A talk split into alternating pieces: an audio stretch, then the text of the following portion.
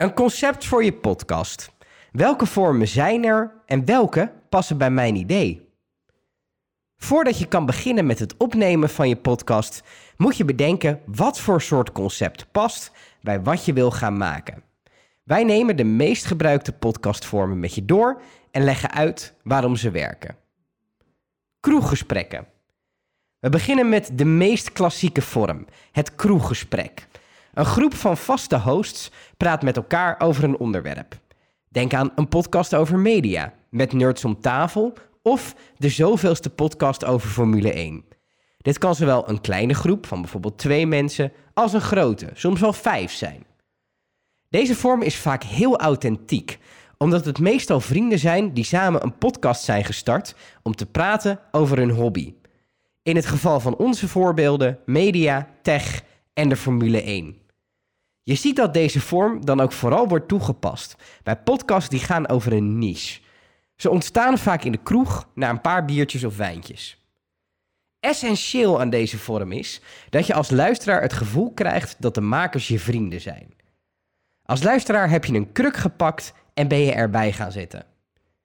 Bij deze vorm passen in-crowd grapjes en stunteligheid dan ook best goed. Als je een verspreking of een blooper maakt, kun je deze het best er gewoon in laten zitten. Dat werkt mee aan het creëren van die informele sfeer.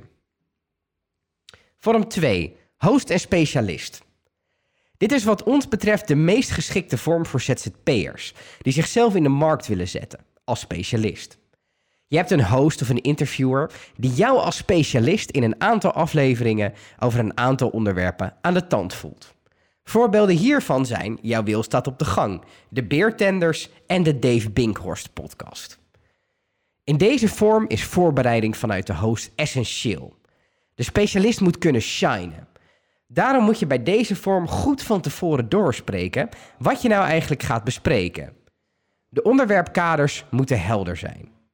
Natasja Bel heeft voor ons een aantal podcasts in deze vorm gemaakt en gaat er in dit artikel uitgebreid in op hoe je zo'n interview voorbereidt. Dit artikel kan je terugvinden in onze blog. Deze vorm heeft de neiging om van alle vormen het minst persoonlijk te zijn. Vaak gaat het in dit soort podcasts meer op de inhoud. Dat is een pluspunt van deze vorm en een kwaliteit die je altijd moet bewaren. Maar probeer er hier en daar toch een grapje in te stoppen. Vorm 3. De één op één interviews met wisselende gasten. Een hele spannende vorm van podcasting. Het één op één interview. Jij bent de host en jij ontvangt iedere week een gast die je interviewt. Dit format werkt voor hele algemene podcasts. Denk aan een passiepodcast, waar we ondernemers te gast hebben die praten over de meest uiteenlopende onderwerpen. Of een 30 minuten rouw. Elke aflevering is er een BN'er te gast. Het gaat van links naar rechts. Eigenlijk net zoals talkshows op tv. Ook voor niches werkt deze vorm heel erg goed. Denk aan de Hans Keren Show, waar het altijd moet vallen in de digitale marketinghoek. Elke aflevering interviewt Hans een specialist binnen zijn niche. Deze vorm valt onder de high risk, high reward categorie. Eén op één gesprekken zijn risicovol. Ben jij als host nerveus of zit je er even niet lekker in? Dan loopt het gesprek niet goed. Is je gast niet spraakzaam of heeft hij of zij een heel ander idee bij het gesprek dan jij? Dan kan het tot een star gesprek leiden. Daarom is het bij deze vorm heel belangrijk om een voorgesprek te houden, zodat je een beetje weet wie je voor je hebt en wat je nou eigenlijk kan vragen. Ook is dit een tijdrovende manier van podcast maken. Je moet elke week een gast regelen, je inlezen en voorgesprekken doen.